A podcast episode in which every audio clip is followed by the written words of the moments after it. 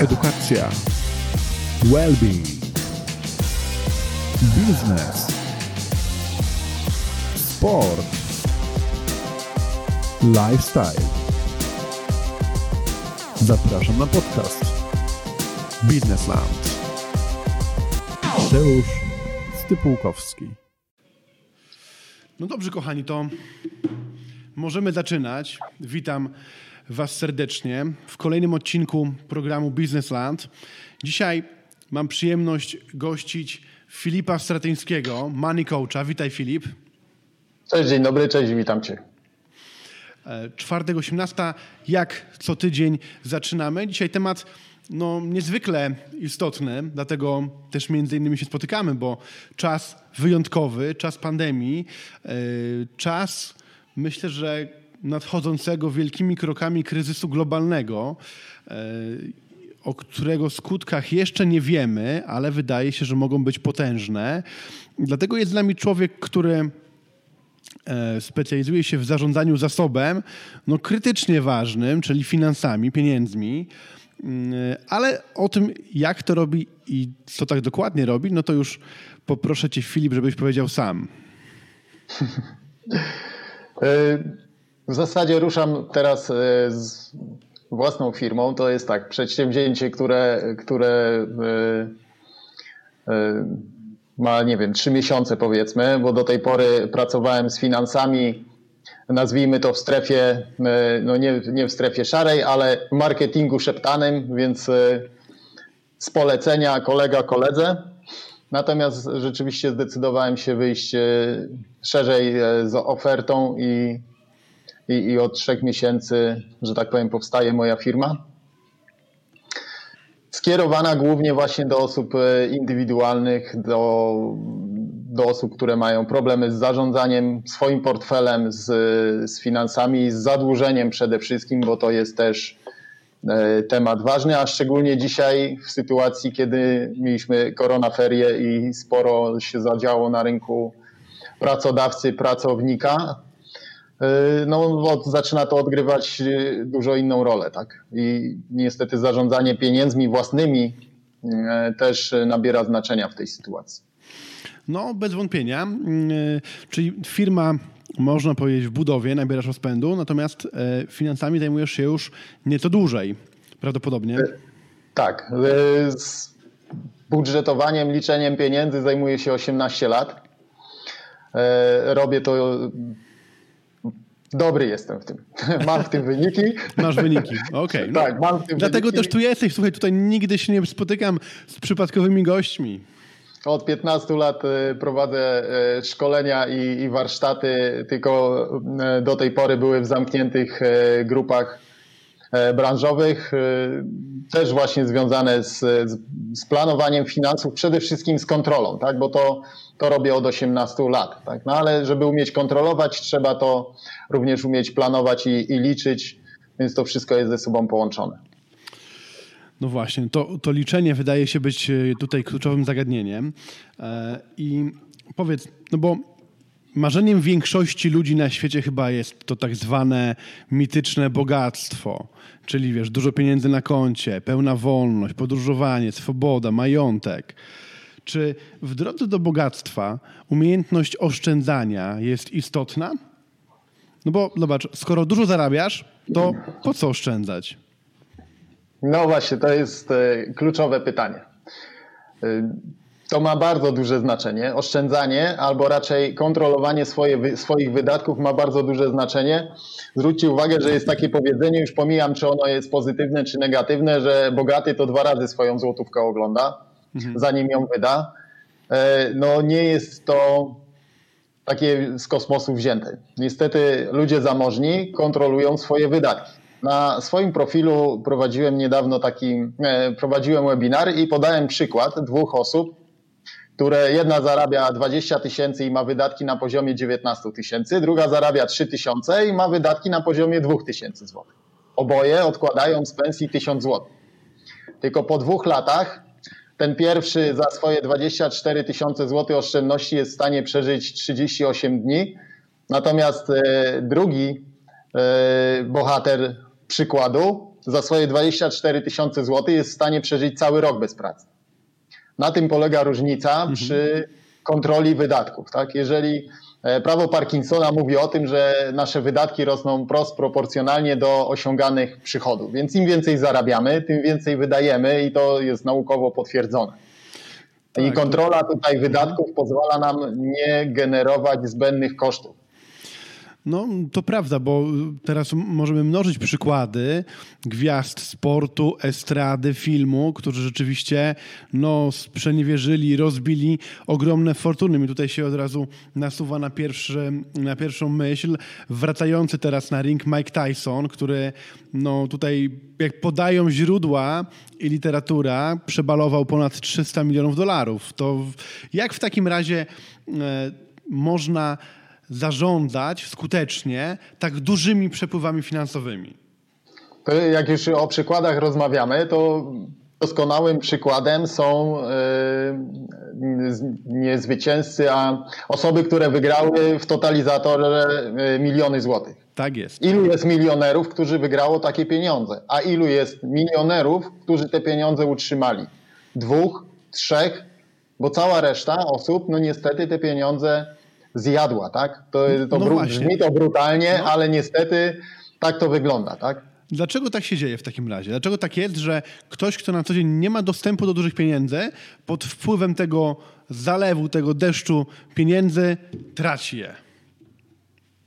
No niestety apetyt rośnie w miarę jedzenia, tak? Teraz chcemy mieć e, drogi samochód, chcemy jeździć Porsche Panamera, prawda? Chcemy mieć ekstra mieszkanie, ekstra dom, ale niestety e, brak tutaj jest jakby wiedzy na poziomie podstawowym, tak?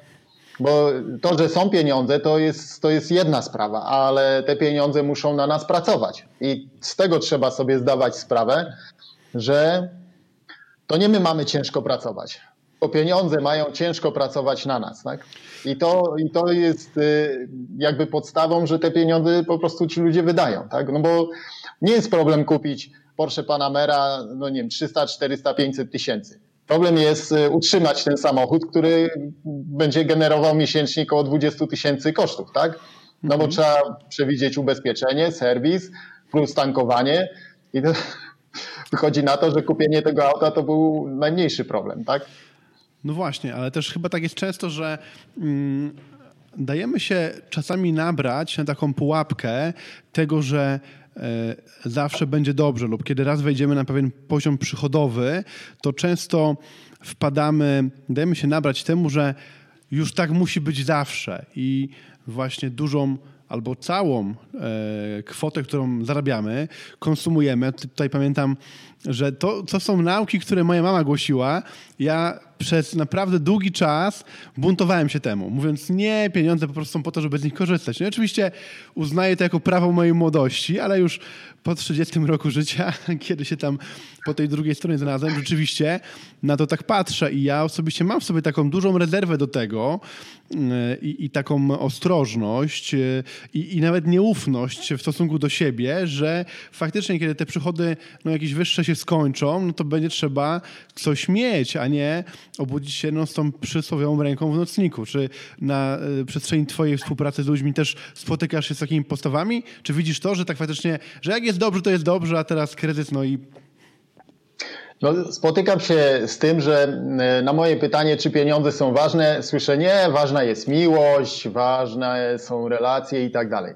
Nie da się zapłacić. Liczy się wnętrze. E, no właśnie, tak, ale wnętrzem nie zapłacimy w sklepie, miłością nie zapłacimy w sklepie, a no niestety, ale y, może brutalny przykład. Y, osoby, które zbierają pieniądze na operację osoby najbliższej, mhm. czy one też twierdzą w tej chwili, jak się to pojawiła ta sytuacja, ten kryzys y, życiowy, że miłość jest najważniejsza. Niestety wszystkie aspekty i miłość, relacje i pieniądze są równie ważne, tak? E, to jest takie błędne przekonanie, że jak się ma kasę, to już się jest po prostu burakiem. No niestety pieniądze tylko obnażają nas charakter, a nie go psują, tak? Jak ktoś jest, przepraszam, e, burakiem, to jak będzie miał więcej pieniędzy, będzie większym burakiem, a jak ktoś jest jakby człowiekiem e, z pozytywnym nastawieniem do świata, do ludzi i tak dalej, to pieniądze pozwolą mu być tylko jeszcze bardziej przychylnym e, innym osobom e, człowiekiem. Więc tutaj rzeczywiście z takim myśleniem przede wszystkim się spotykam, tak? A z drugiej strony, no to to myślenie powoduje, skoro mam teraz pieniądze, to mogę wszystko wydać i nie myśli się, co będzie jutro, tak?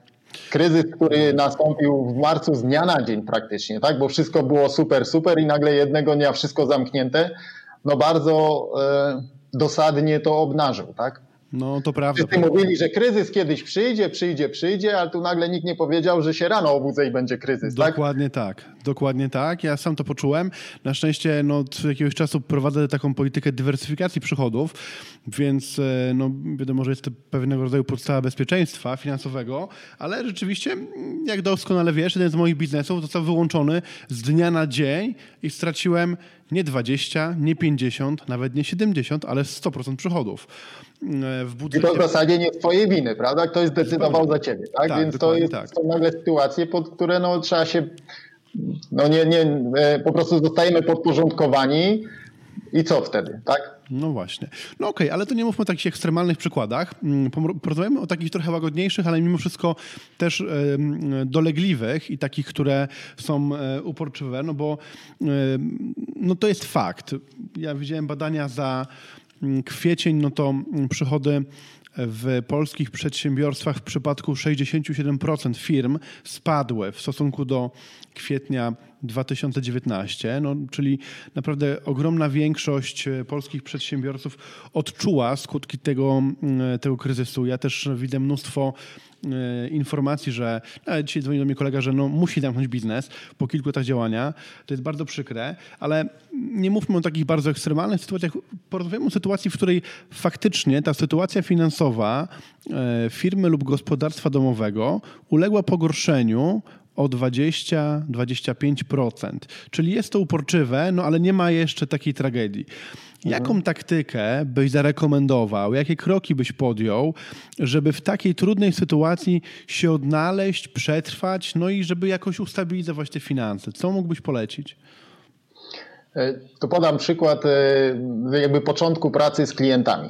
Mhm. Jak zaczynamy pracować, to y, w zasadzie w ciągu pierwszych dwóch dni, jak y, przedstawiam sytuację, jak wygląda, to trzeba przejrzeć, przede wszystkim przejrzeć koszty, jakie mamy. I to jest pierwszy punkt, podzielić je na grupy. Ja wychodzę z założenia, żeby dzielić to na powiedzmy produkty i zakupy niezbędne do życia plus pozostałe, tak?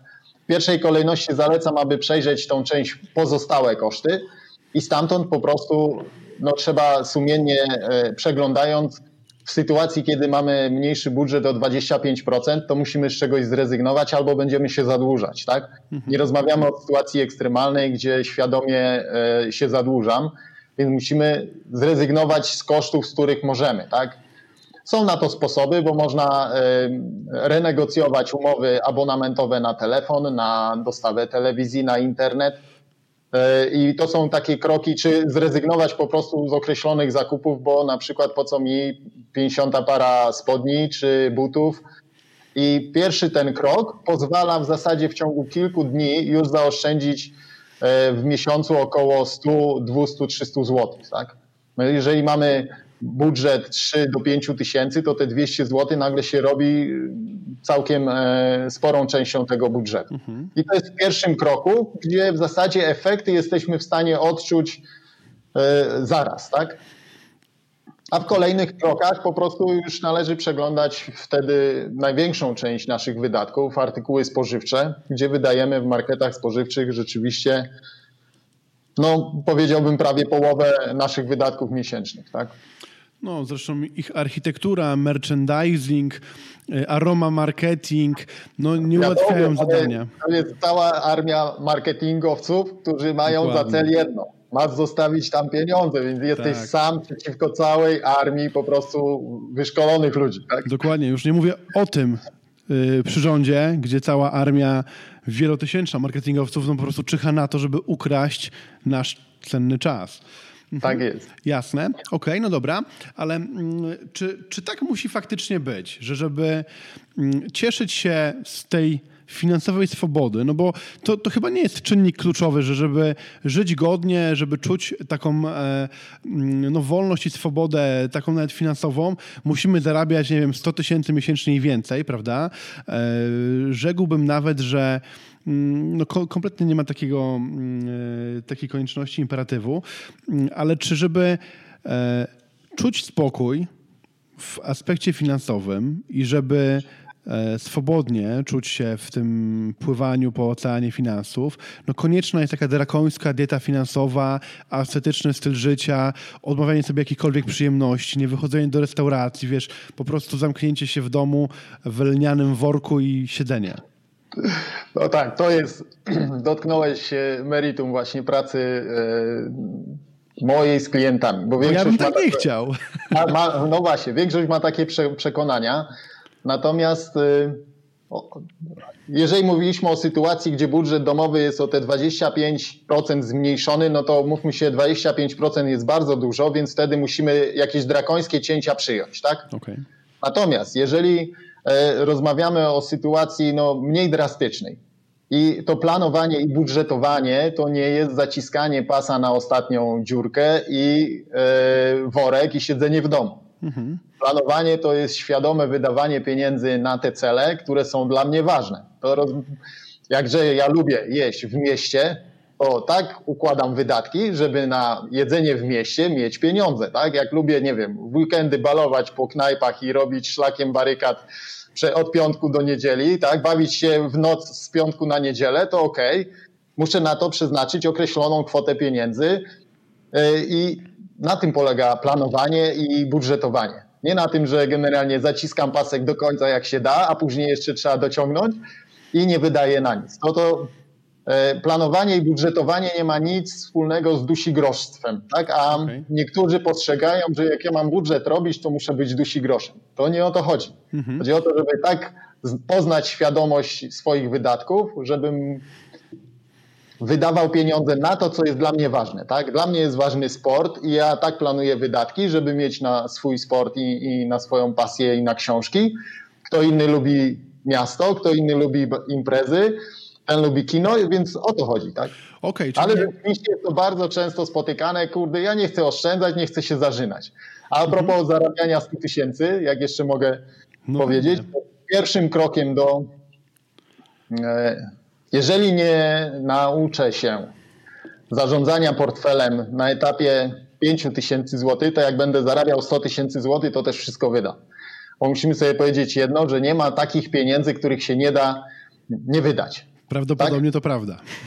Więc po prostu to jest tylko kwestia czasu i czy mamy dobry internet. Tak? Rozmawiałem kiedyś z takim doradcą na, na takim fajnym spotkaniu i mówi, no mam teraz milion złotych, ile czasu bym to wydał, nie? Ja powiedziałem mu, no w pół godziny. On powiedział, myślę, że szybciej. Ja mówię, myślę, że nie, bo tu jest słaby internet, tak? No więc nie ma takich pieniędzy, więc jak nie będziemy mieli podstaw zarządzania swoim portfelem, czyli właśnie kontroli wydatków, wiedzieć świadomo, świadomości na temat wydatków, no to tą stówę miesięcznie przechulamy też do 15, tak? Mm -hmm, no to do 15 to szybko rzeczywiście, ale faktycznie um, faktycznie um, tak jest. Okej, okay, ale czyli słuchaj, czyli ten twój styl pracy i twoje podejście polega na tym, że ustalasz ze swoim e, klientem czy z partnerem, z firmą e, priorytety i one mogą być różne, tak? Czyli to nie jest tak, na szczęście moim zdaniem, że każdy musi tyle i tyle do skarpetki chować, czy pod poduszkę, czy zakopać w ogródku, żeby wypełnić te przesłanki właśnie kontrolowania budżetu. Nie, nie. Podczas każdej pracy z każdym klientem proszę, aby ustalił sobie cel. Jaki ma cel, co chce osiągnąć i gdzie chce być na końcu naszego całego procesu, tak? Bo poza pracą z pieniędzmi, to jeszcze są cała masa jest przekonań i nawyków, tak? które oczywiście no zaraz też myślę, że o tym chwilę porozmawiamy. Jasne. No ale na końcu tego procesu on chce osiągnąć cel taki. Jeden chce mieć poduszkę finansową, drugi chce mieć jakieś tam lekkie zabezpieczenie, a trzeci chce mieć pieniądze, palety. I to jest jego cel. I teraz przez pracę trzeba znaleźć środki na ten cel, tak? Okej, okay, okej, okay, dobra. To już nie brzmi tak strasznie, e, jak może, się, jak może się wydawać.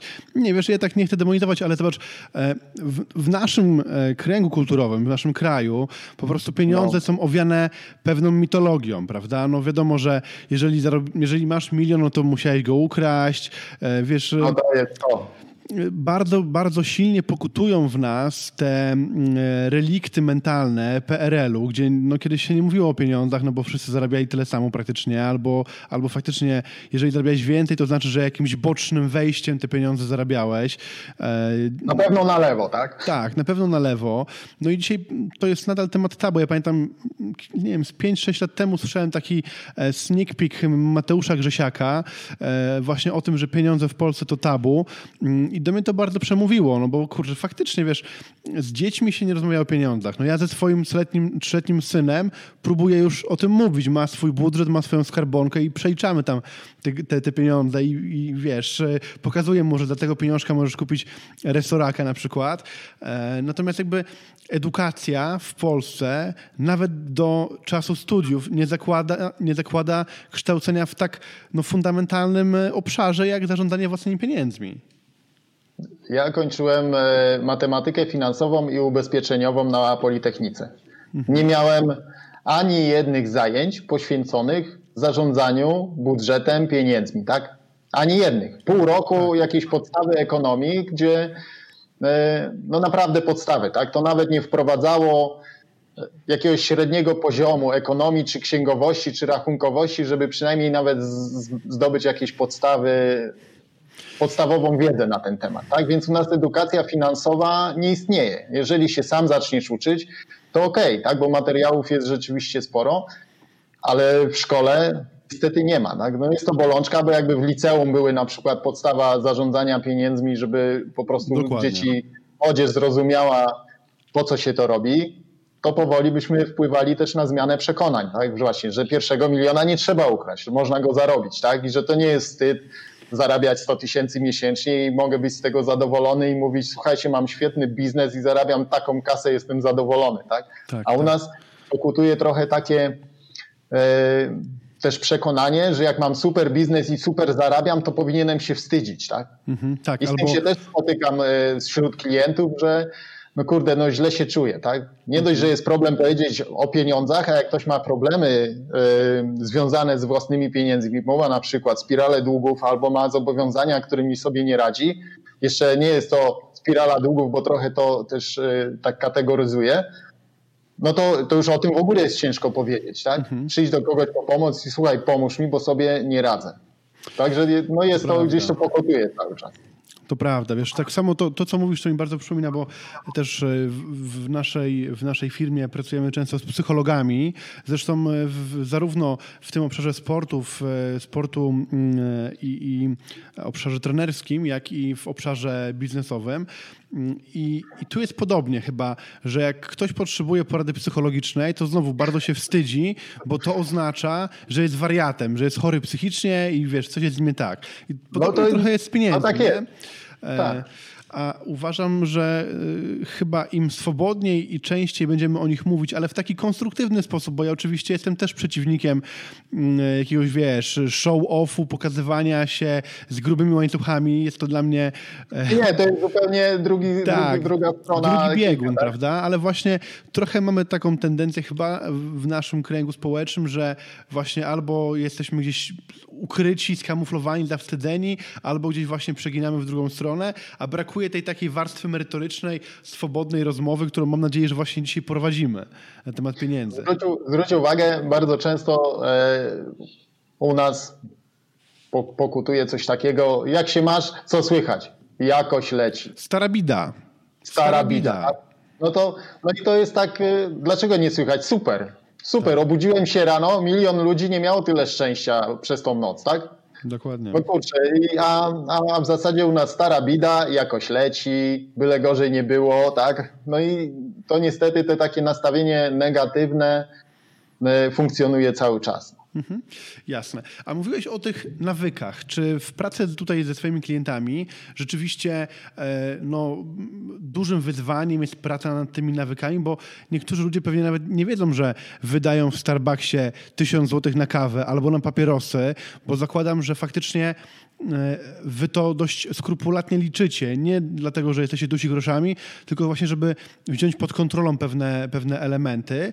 To e, na ile jest to praca właśnie z nawykami, z pewnymi odruchami, automatyzmem, a na ile rzeczywiście jest to e, rachunkowość taka osobista?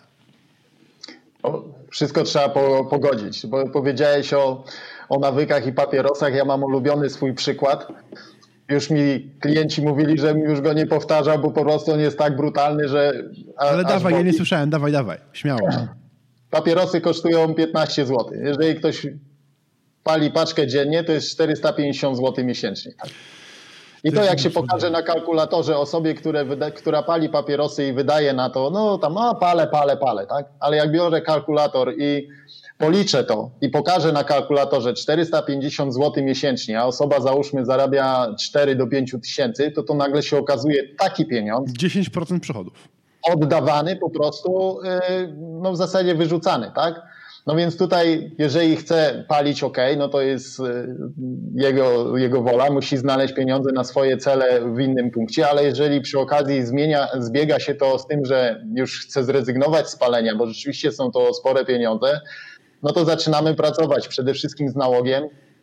Do tego, e, do tego dochodzą po prostu cała rzesza nawyków w stylu a mam zachciankę w sklepie, to sobie kupię to, albo e, kupię kolejną parę jeansów, kolejną koszulkę, bo to też, to też są nawyki. Tak? My nie, nie pokazuje, nie zdajemy sobie sprawy, że nawyk permanentnych zakupów to jest też po prostu gdzieś tam wypracowane, włożony schemat do głowy, który realizujemy no, często mm. z dzieciństwa też, tak? I z tym też pracuję z, z klientami, tak? Z nawykami, z przekonaniami właśnie w stylu milion trzeba ukraść, a dlaczego tak uważasz? Tak? Mhm. Tak, raz, że to są nawyki dzieciństwa, a dwa, że też wiesz, no, my nie żyjemy w łatwym społeczeństwie, bo nasze otoczenie jest wyjątkowo konsumpcyjne, wiesz, no, korporacje łamią sobie codziennie głowy nad tym, jak sprawić, żebyśmy wydali jeden złotych więcej. Bo wiesz, w skali makro to są miliardowe decyzje zakupowe, prawda? Żebyśmy gdzieś na chwilkę się zatrzymali wzrokiem w internecie. No przecież y, całe, całe rzesze są ludzie odpowiedzialnych za marketing, którzy nie robią nic innego, tylko układają towary na półkach, tak, w markecie. Tak, Dlaczego? Tak, tak. Po to, że my mamy wejść i mamy kupić akurat ten produkt, który jest super promocji. Dzisiaj jest po prostu taka promocja, że to mi jest tak niezbędne, tak niezbędne, że ja to muszę dzisiaj mieć, tak? Tak, to prawda, to prawda i to no. aż krzyczy. No i teraz też y, szczególnie mm, e, takim miejscem czy przestrzenią narażoną na te pokusy jest y, internet, no bo mm, ilość propozycji, którą, która nas zalewa, nawet przeglądając, wiesz, tego przysłowiowego walla na Facebooku, jest po prostu ogromna. Filipa, jestem tak jeszcze takie pytanie z rękawa, tak strasznie ciekawe, twojego mm, spojrzenia i opinii na temat okazji zakupowych. Czyli na przykład, wiesz, bo ja nie ukrywam, że jestem łowcą okazji, prawda? Jak ja mam kupić koszulę, to jest straszne, co powiem, ale, ale dobra, powiem to, obnażę się. Jak mam kupić koszulę, taką, jak, wiesz, dobrą koszulę, która kosztuje powiedzmy 300 zł, to nie mogę tego zrobić. Jakoś, wiesz, po prostu mam wewnętrzną wojnę. ale jak znajdę okazję, to to robię wtedy. I powiedz mi, co, co to znaczy? I weź mnie zdiagnozuj. Czy jestem chory? Więc co to tak, jedna, jedna z teorii y, też mówi o tym i na to są badania, że nasze pokolenie jest, y, ma, ma syndromy DDA, czyli dorosłych dzieci alkoholików. O, I to bez względu na to, czy y, w naszej rodzinie taki problem był, czy nie był. Po Aha. prostu jako pokolenie i pochodzimy z tamtych czasów, gdzie nic nie było i po prostu tak mamy. Tak? tak. I, I jakby wstyd, że chce na siebie wydać pieniądze, jest jednym na przykład z takich właśnie objawów, e, jednym z takich objawów, ale to też nie o to chodzi, tak.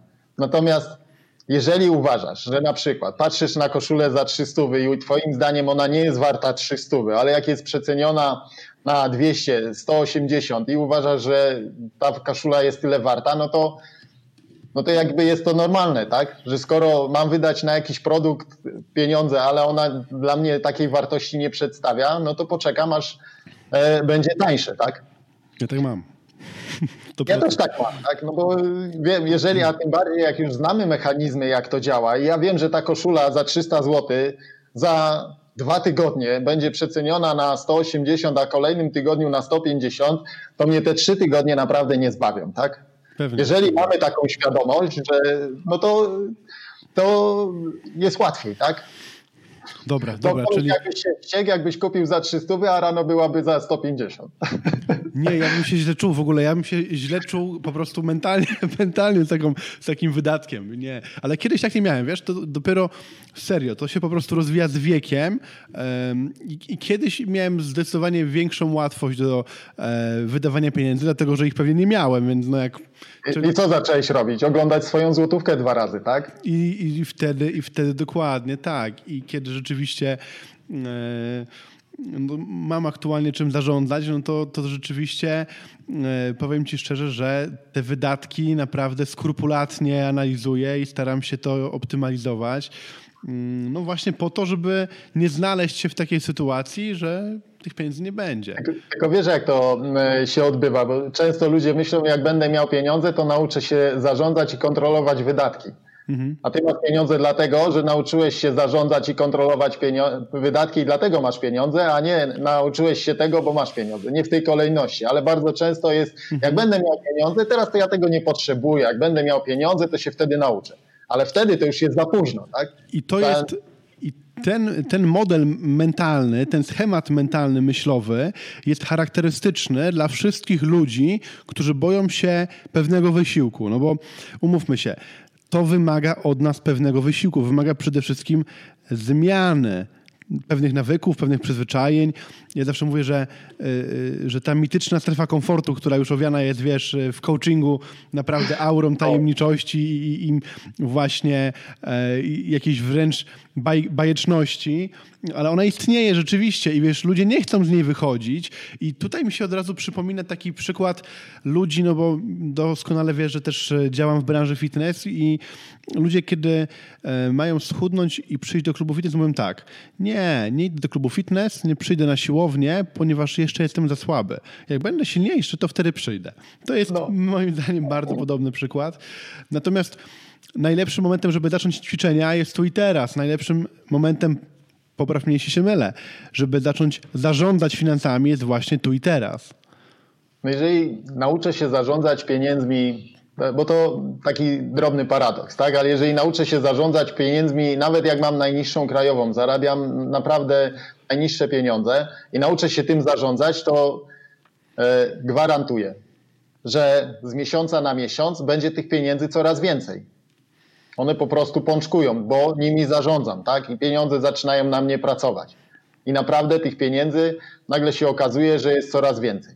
Mhm, Okej. Okay. No dobra, słuchaj, ale bo mm, z tego, co mówisz, tak trochę wnioskuję, że, że w ogóle widzę dużo analogii między zarządzaniem finansami a trenowaniem i osiąganiem e, wyników sportowych i do tego też w, jeszcze wrócimy na pewno, no bo w, w, moich rozmowach nie może tego aspektu sportowego zabraknąć, mm, ale czy żeby skutecznie zarządzać finansami, to faktycznie musimy mieć żelazną dyscyplinę, bo to jest, wiesz, komponent taki charakterologiczny, którego nie ma większość z nas, wrodzonego. E, czy są jakieś metody, strategie, mm, które mógłbyś polecić ludziom, którzy no nie mają takiej bardzo silnej woli, takiej ogromnej samodyscypliny, samokontroli?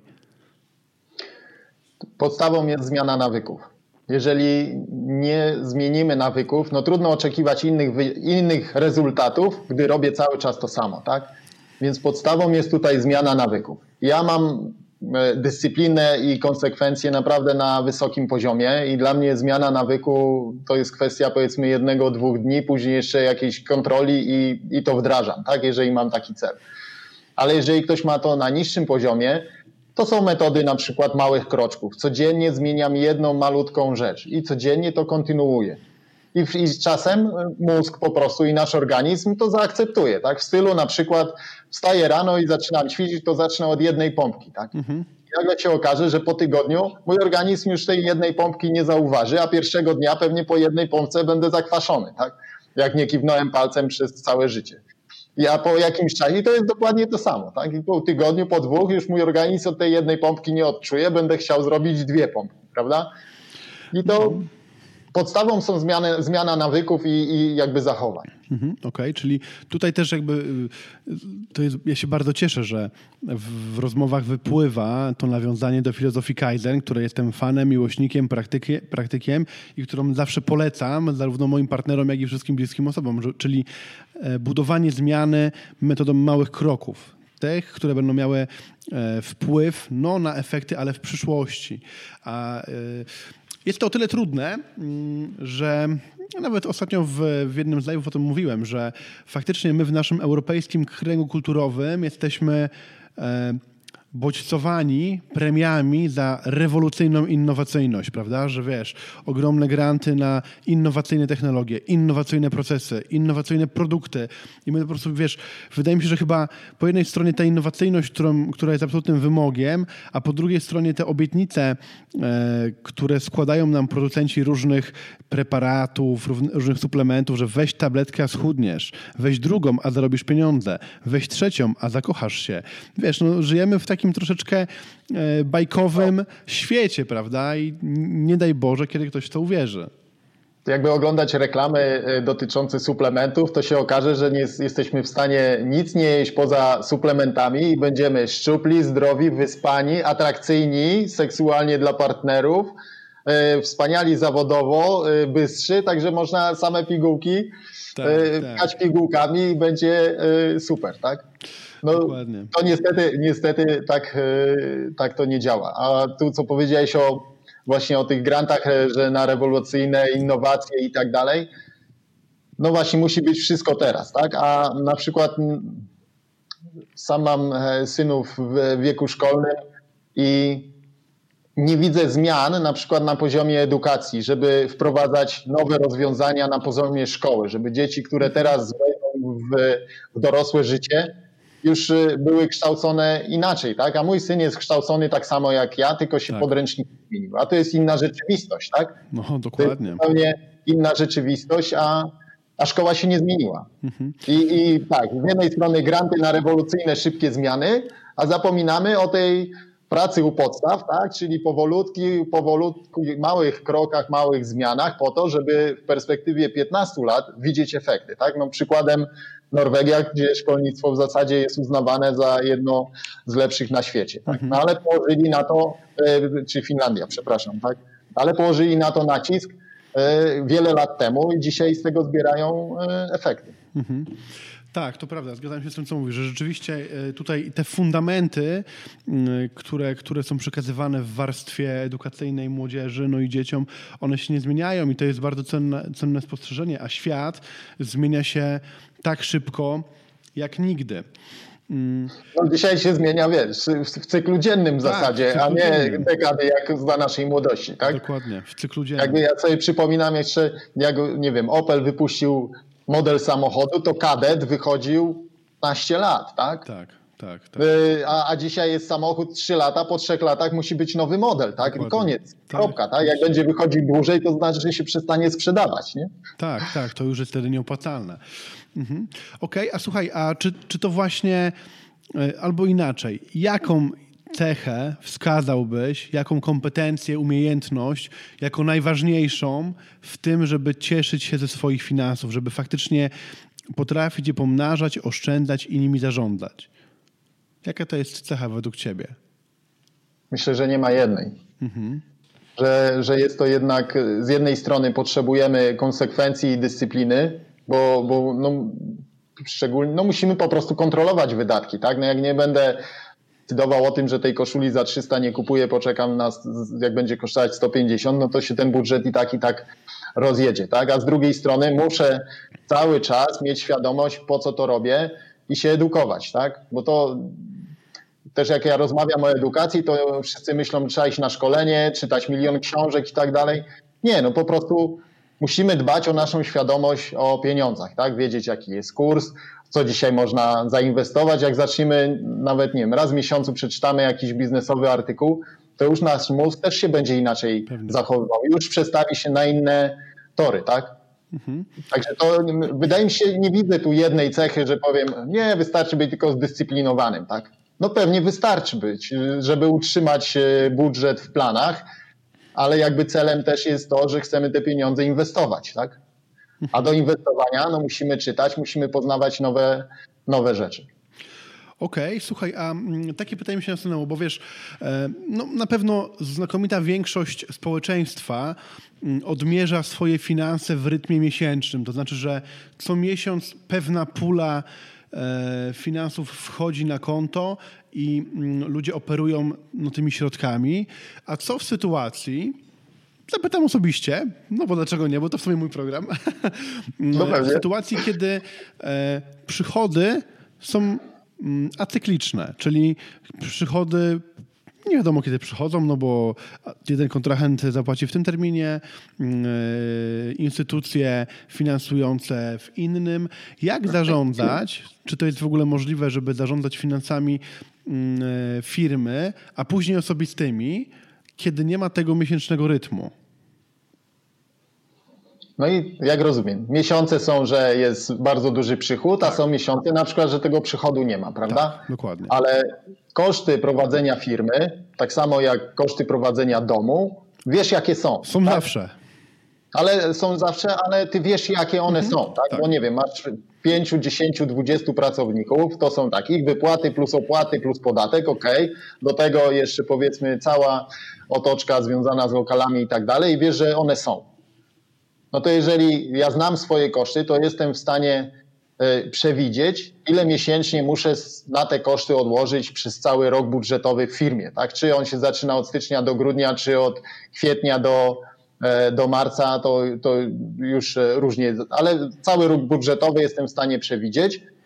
No teraz wystarczy te całe koszty dzielę na 12 i wiem co miesiąc ile ma się znaleźć. Tak? No jeżeli mam cykliczność wpływów, to spodziewam się, bo kończę dwa, trzy projekty, one się kończą w maju, to w czerwcu wiem, że będziemy je rozliczać, tak? Mhm. No to z, tego, z tej czerwcowej puli trzeba dwie pozycje za maj i czerwiec odłożyć. Jeżeli to jest taka, taki duży zastrzyk, że wiem, że w kolejnych miesiącach będziemy realizować projekt i tej płynności nie będzie, no to trzeba z tej puli uwzględnić kolejny miesiąc. Doskonale by było, jakby na początku roku budżetowego w pierwszym miesiącu zabezpieczyć środki na cały rok i wtedy pracować tylko nad zyskiem. Pracować tylko nad zyskiem, tak? No ale nie zawsze tak jest, że na początku roku budżetowego kończą się super wielkie granty i po prostu jest taki duży zastrzyk, że jestem w stanie to e, zabezpieczyć, tak? Bo wtedy też cały rok budżetowy, na przykład w perspektywie dzisiejszej e, sytuacji, jak na początku roku budżetowego masz koszty na cały rok dla wszystkich pracowników, no to w zasadzie dwa miesiące kryzysu nawet cię nie dotknęły tak naprawdę, tak? Bo pracownicy mają pensję, jest na opłaty, jest na to, na tamto, no trochę po prostu są chudsze dni, ale pracujemy nad innymi projektami. Nie? A w sytuacji, jak nie ma zabezpieczenia, to co powiedziałeś na początku, że sporo firm e, jednak odczuwa problemy finansowe, no jest to spowodowane no niestety tym, że nie było zabezpieczenia finansowego tej poduszki, tak? A koszty były na tyle wysokie, że rzeczywiście e, nawet jeżeli były jakieś oszczędności, to po prostu zostały szybko zjedzone. Mhm. Okej, okay, no właśnie. A e, tak jeszcze wejdę w ten rewir. Mm, e, załóżmy, że faktycznie no, nie mieliśmy supportu tego finansowego czy, czy backupu. Mm, skonsumowaliśmy wszystkie oszczędności, skonsumowaliśmy wszystkie środki, które przyszły i wpadliśmy w zadłużenie i tutaj nawet posłużę się tym, co nazwałeś spiralą długów. Jaki byłby pierwszy krok, który mógłbyś polecić komuś, kto faktycznie znalazł się w spirali długów i czym ona w ogóle jest? Dla mnie spirala długów to po prostu jak zaciągam, e, mam już tyle zobowiązań i jest taki u części osób e, po prostu biorę kredyt po to, żeby spłacić kredyt, tak? Mhm. To jest bardzo niebezpieczne, bo jest po prostu cały czas coraz drożej, tak? Bo od każdego kredytu płacę prowizję. W pewnym momencie staje się e, e, już nie jestem klientem banków, bo już nie mam zdolności i nie jestem wiarygodny, no to przerzucam się na niestety na e, branżę bez biku, tak? No a to, a później jeszcze, no nie daj Boże, że tak powiem, do szarej strefy, więc to niestety to jest spirala długów. Jak zaciągam zobowiązania na spłatę zobowiązań. Tak? I nie rozmawiamy tu o kredycie jakby konsolidacyjnym, jak chcę z tego wyjść i zapinam wszystko jednym kredytem, no to, to jest taki zupełnie inny przypadek. Tak? Mhm, okay. Ale w tej sytuacji, jeżeli mamy się ratować, no to, to trzeba po prostu wykonać e, no, drakońskie cięcia, tak? Po prostu. No jeżeli w firmie, załóżmy, tu już rozmawialiśmy chwilę o firmach, no nie wiem, jest, są samochody, są leasingowe, trzeba się zastanowić, z czego zrezygnować. No nawet jak ten samochód stracę, ale nie płacę rat leasingowych, tylko uwalniam środki po to, żeby regulować zobowiązania. No w domu to samo, tak? Mhm. Jeżeli mam 500 kanałów telewizyjnych, a mam długi, no to czy ja to oglądam? To może za 100 zł abonament rezygnuję i wtedy 100 zł przeznaczam na spłatę, tak? W takiej sytuacji to już trzeba pracować y, no to, to tu już rozmawiamy rzeczywiście o podejściu zaciągam pasek i, i muszę się ratować, tak? po to, żeby w przyszłości cieszyć się spokojem. No tak, no to jest, to jest cel, tak? Jeżeli oczywiście celem tej osoby jest spłacić zobowiązania, bo, bo taki projekt w mojej branży i tutaj mojej jakby główna oś działalności jest taka, żeby żyć bez zobowiązań, tak? Mhm. No więc rzeczywiście, jak mam tych kredytów pełno, no to celem jest je spłacić. No to musimy na początku zacisnąć pasek po to, żeby pozbyć się najdroższych rzeczy, żeby później móc swobodnie resztę spłacić i cieszyć się e, wolnością bez zobowiązań. Tak? No, czasami to jest niebezpieczne i trudne, bo mm, zobacz, nawet na takich, w takich prostych, e, wydawałoby się, mm, elementach rzeczywistości, jak zakup telewizora, laptopa, telefonu, wiesz, no z jednej strony ten rozpędzony marketing, ten e, nastawiony na konsumpcję, z drugiej raty 0%, raty mm, bez poręczenia i tak dalej, no jesteśmy tym trochę, wiesz, kuszeni. Miałeś taką, taką sytuację, taki przypadek kogoś, kto postawił taki niewinny krok, a potem rzeczywiście już dał się pochłonąć? Tak. Miałem przypadek taki, że, że klient e, no jakby zaciągał chwilówki, czyli no jedno z najdroższych zobowiązań po to, żeby żeby mieć e, na życie, tak? Mhm. Ponieważ pozostałą część już konsumowały e, inne zobowiązania. No to, to, to jest też e, niebezpieczne, ale w wyniku pracy generalnie po miesiącu już zobowiązania te przynajmniej najdroższe spłacił i w kolejnych krokach zajął się resztą, tak? Ale, ale są takie przypadki, tak? Czyli ty w swojej takiej codziennej pracy właśnie z klientami również pomagasz nałożyć priorytety i doradzić, co najpierw warto spłacić, od czego zacząć. Dobrze to rozumiem? Tak, no bo no jeżeli mamy ileś zobowiązań, no to teraz po prostu, jeżeli mamy mówić o zarządzaniu e, finansami, no to trzeba wybrać najdroższe, spłacamy najdroższe, bo nas najwięcej po prostu kosztuje, tak? Jasne. Po prostu nas to najwięcej kosztuje. Uwolnione środki przeznaczamy nie na konsumpcję, tak? Bo to, to jest też taki fajny przykład. Bierzemy, no nie wiem, cokolwiek na raty, na przykład 500 zł płacimy ratę przez dwa lata na przykład. I tych pieniędzy w budżecie nie ma. Mhm. I nagle kończymy spłatę tego kredytu nie i jest wolne. I jest wolne 500 zł, tak? które moglibyśmy śmiało odkładać na inne cele, bo i tak tych 500 zł przez dwa lata nie czuliśmy. Mhm. A nagle w pierwszym miesiącu po spłacie rat tych 500 zł nie ma. Nie ma, bo gdzie są, tak? No bo niestety oddział marketingu, prawda, jest zadowolony, bo kolejne 500 zł jest nasze, tak? Tak, nawet chyba tak sobie to wyobrażam, że e, jest taka pokusa, że kiedy skończymy jedne raty, to automatycznie już byśmy chcieli wziąć kolejne, bo czegoś nam brakuje paradoksalnie, prawda? Nawet jeżeli to jest wydatek. No przecież jest 500 zł wolne, no to elegancko, tak? Zainwestujmy w telewizor. No właśnie, a przy, a przy e, jakby spłacie zobowiązań, skoro jak uwolniliśmy 500 zł z jednego zobowiązania, to od razu to ja zalecam to 500 zł przerzucić jako nadpłatę na kolejne zobowiązanie, tak? I wtedy płacąc 200 w drugim zobowiązaniu plus 500, to tak naprawdę spłacam 500 ekstra kapitału, to skracam okres rat w drugim zobowiązaniu i spłacam to dużo szybciej, Także to, to, to nagle, przy, nagle się okazuje, że z miesiąca na miesiąc mocno przyspieszamy przy regulowaniu zobowiązań. Okej, okay. dobra, Filip, bo ten temat jest ciężki, na pewno jeszcze ciężko, ciężkie czasy przed nami, więc no myślę, że na pewno będziesz miał co robić w najbliższym czasie, chociaż, chociaż życzę ci, żebyś miał tylko takie, wiesz, przyjemne współpracę i żebyś pomógł dużej ilości osób, ale, No ale wyjdźmy, wyjdźmy już z tego obszaru, który jest no nieco, nieco taki właśnie e, ciężki i wejdźmy w coś przyjemnego. Jakiś czas temu na Facebooku widziałem, że wziąłeś udział w challenge'u, którym publikujesz pięć swoich największych celów, no nie nazwę tego marzeń, no bo wiemy, że ludzie czynu to raczej snują plany i budują cele niż e, wiesz, oscylują w świecie marzeń. Jakie to były, jakie to były cele? Opowiedz coś o nich. Co ja nie, nie boję się nazywać tego marzeniami, bo z kolei wyznaję zasadę, że marzenia się realizuje, a nie się czeka, aż się zrealizują. Dokładnie. Więc jakby y, to, że ja nazywam marzeniami, kto inny celami, to nie ma znaczenia. Jak chcę napisać książkę e, i ją wydać, mam nadzieję, że w tym roku e, powstanie e, produkt, bo to w głowie kiełkuję i, i się do tego przygotowuję. O finansach właśnie? Nie, O. nie, raczej o rozwoju, o, o zmianie, o zmianie nawyków, taka inspiracyjna, motywująca. Trochę o finansach na pewno też się tam znajdzie, tak? Okej.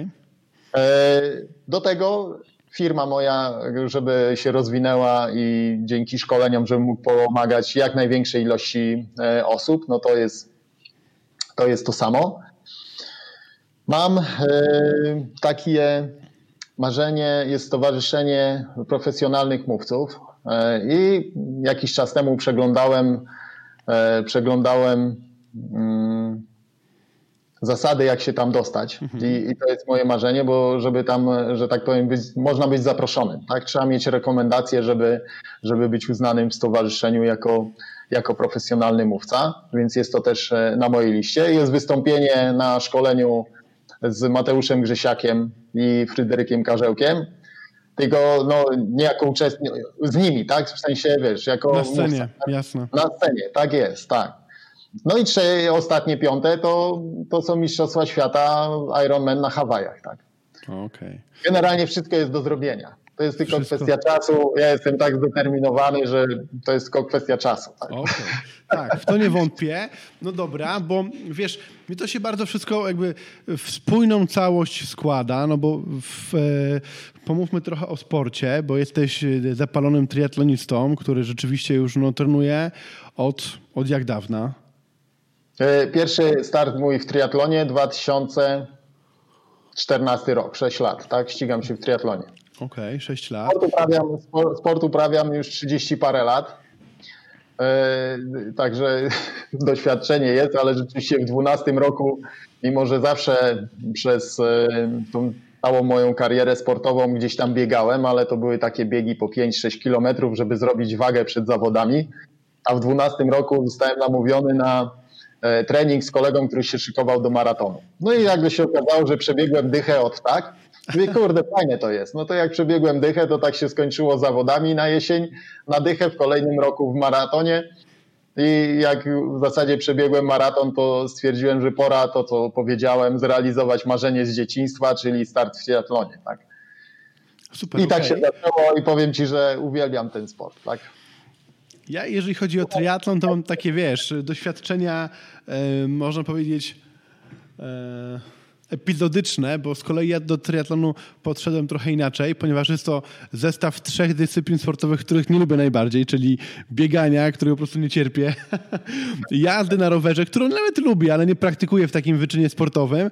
No i ogólnie najbardziej z tych trzech to lubię pływanie i to faktycznie to pływanie na otwartym, tak zwanej open water, no to jest najprzyjemniejsza rzecz i w cały, ja po, połówka Ironmana zrobiłem, więc ten pełny jeszcze przede mną, ale ja też wiem, że to się wydarzy któregoś dnia. Sprzęt już mam. Kupiłem na tamtą okazję i teraz w garażu rower stoi do tej pory. Śmieję się, że kupiłem go tylko na, to, na ten jeden start. Mm, Ale, ale y, całego Ironmana zrobię jeszcze, to, to y, publikuję, ale zrobiłem to po to, żeby właśnie, wiesz, zawalczyć z jakimiś słabościami, Mm, y, ale wydaje mi się, że taki sport jak triatlon, no, który wymaga bezwzględnie systematyczności na najwyższym poziomie, samodyscypliny i no, organizacji czasu, bo mm, nie ma chyba lepszej metody, czy innej metody na dobry rower, dobrą jazdę na rowerze, jak po prostu objętość, którą wyjeździsz, te kilometry trzeba wyjechać po prostu, e, te, ten dystans trzeba przepłynąć i to po prostu konsumuje dużo czasu. W jaki sposób potrafisz to wszystko godzić? Ile czasu dziennie w tygodniu spędzasz na trening? Jak to organizujesz? Tu masz rację. Im dłuższy dystans startowy, to niestety trzeba więcej e, czasu na e, trening poświęcić. No, ten sezon sportowy jest jaki jest, tak? No, już w zasadzie nic z tego sezonu e, raczej nie będzie. Ale szykując się do normalnego sezonu, jeżeli przewiduję mocne starty w mocnych zawodach, w zeszłym roku startowałem w Mistrzostwach Polski branżowych na połówce Irona i rzeczywiście to było to było celem, to treningowo wychodzi minimum 12 godzin w tygodniu. Tak? Mhm. Rzeczywiście zima po to jest, y, żeby przejeździć na rowerze, y, na trenażerze, po prostu zrobić te kilometry, godziny wysiedzieć. No to trzeba zrobić, tak? Niestety nawet na połówce Irona 90 kilometrów na rowerze, no to nie jest spacer. Trzeba to po prostu wysiedzieć, a trzeba pamiętać, że po tym jeszcze trzeba w miarę dziarsko powiedz. Tak. Tak. Więc, y, więc to no, tu nie ma innej drogi. Tak? Po prostu jeżeli się chce startować na takim dystansie, to bo patrząc na mój organizm, powiedzmy, jakbym miał tylko startować na ćwiartkach albo ósemkach, no to dobra, można wstać z kanapy, zrobić sobie dwa tygodnie treningu i jakoś się tam e, przebiegnie to, tak? Prze, przebędę jakoś ten dystans. Natomiast no, połówka Irona, a tym bardziej cały, no tutaj już y, jak tego nie wysiedzę, to nie dobiegnę do mety. To tutaj organizm powie po prostu pas w pewnym momencie i, i koniec, tak? Czy widzisz analogię w trenowaniu triatlonu do zarabiania i zarządzania pieniędzy? No, konsekwencja i dyscyplina tutaj jest y, na pierwszym miejscu, tak.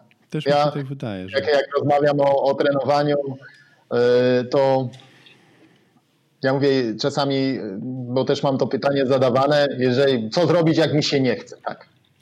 No jeżeli ci się nie chce pięć razy w roku, to jest ok, tak? A jeżeli ci się nie chce pięć razy w tygodniu, no to już ok, nie jest, tak? No to po prostu ja też mam takie dni, że mi się nie chce i czasami też biorąc pod uwagę swój budżet, kurde, a mam ochotę na to, ale na to nie przewidziałem kosztów, ale dobra, kupię sobie to, tak? Mhm. Ale robię to z pełną świadomością, że później tą, te, te pieniądze muszę prze, przesunąć z, innego, z innej pozycji. Tak? I tak samo jest tu. No, jeżeli będę miał świadomość, że nie chce mi się trenować przez miesiąc, nie dotknę butów do biegania i roweru, no to mam świadomość tego, że ten sezon startowy będzie na przetrwanie, a nie walkę o pierwsze miejsca, tak? czy o, o taką, no, nazwijmy to, czołówkę punktową.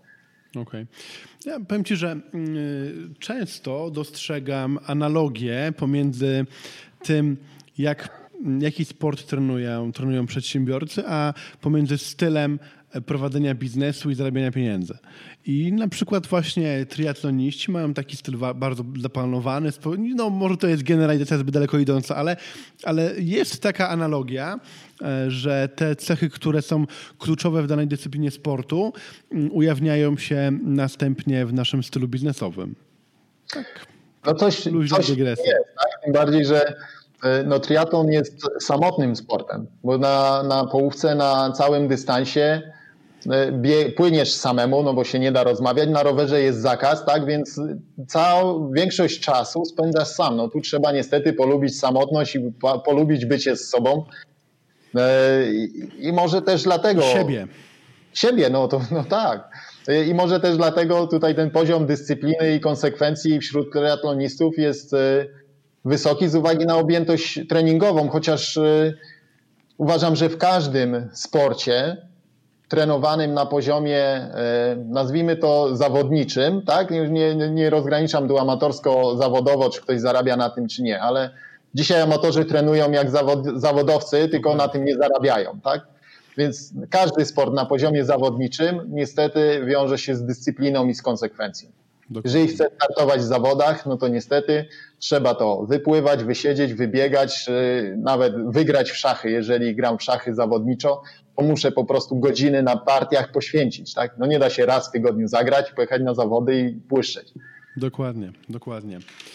Filip, super. No i tym właśnie triatlonowym, biegowym krokiem przekroczyliśmy linię mety dzisiejszego odcinka. Super, że ze mną tutaj się spotkałeś i naszymi e, widzami, a później słuchaczami na Spotify i iTunes.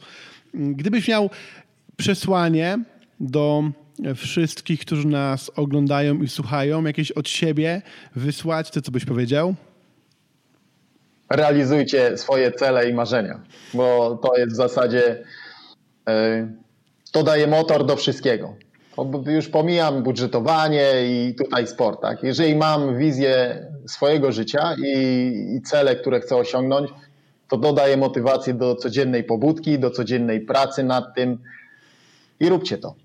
Marzenia się spełnia, a nie się spełniają tak i realizujcie swoje cele. A żeby było Wam łatwiej, to kontrolujcie też wydatki. Tak jest. Kochani, to moim gościem był dzisiaj Filip Strateński, Money Coach. Mam takie wrażenie, że z Filipem jeszcze spotkamy się nieraz w naszych y, poczynaniach. Ja serdecznie dziękuję Tobie, Filip, za obecność, rozmowę. Wszystkim Wam za obecność podczas live'a. E, dziękuję też tym, którzy nas słuchają na Spotify i iTunes oraz oglądają na YouTubie. E, serdecznie oczywiście prosimy o subskrypcję. Dzięki temu będziemy mogli dotrzeć do jeszcze większej ilości osób z tak wartościowym kontentem jak dzisiaj e, z Filipem, na przykład w obszarze pieniędzy. To był podcast Businessland. Dziękuję. Do zobaczenia. Dziękuję jeszcze raz. Cześć.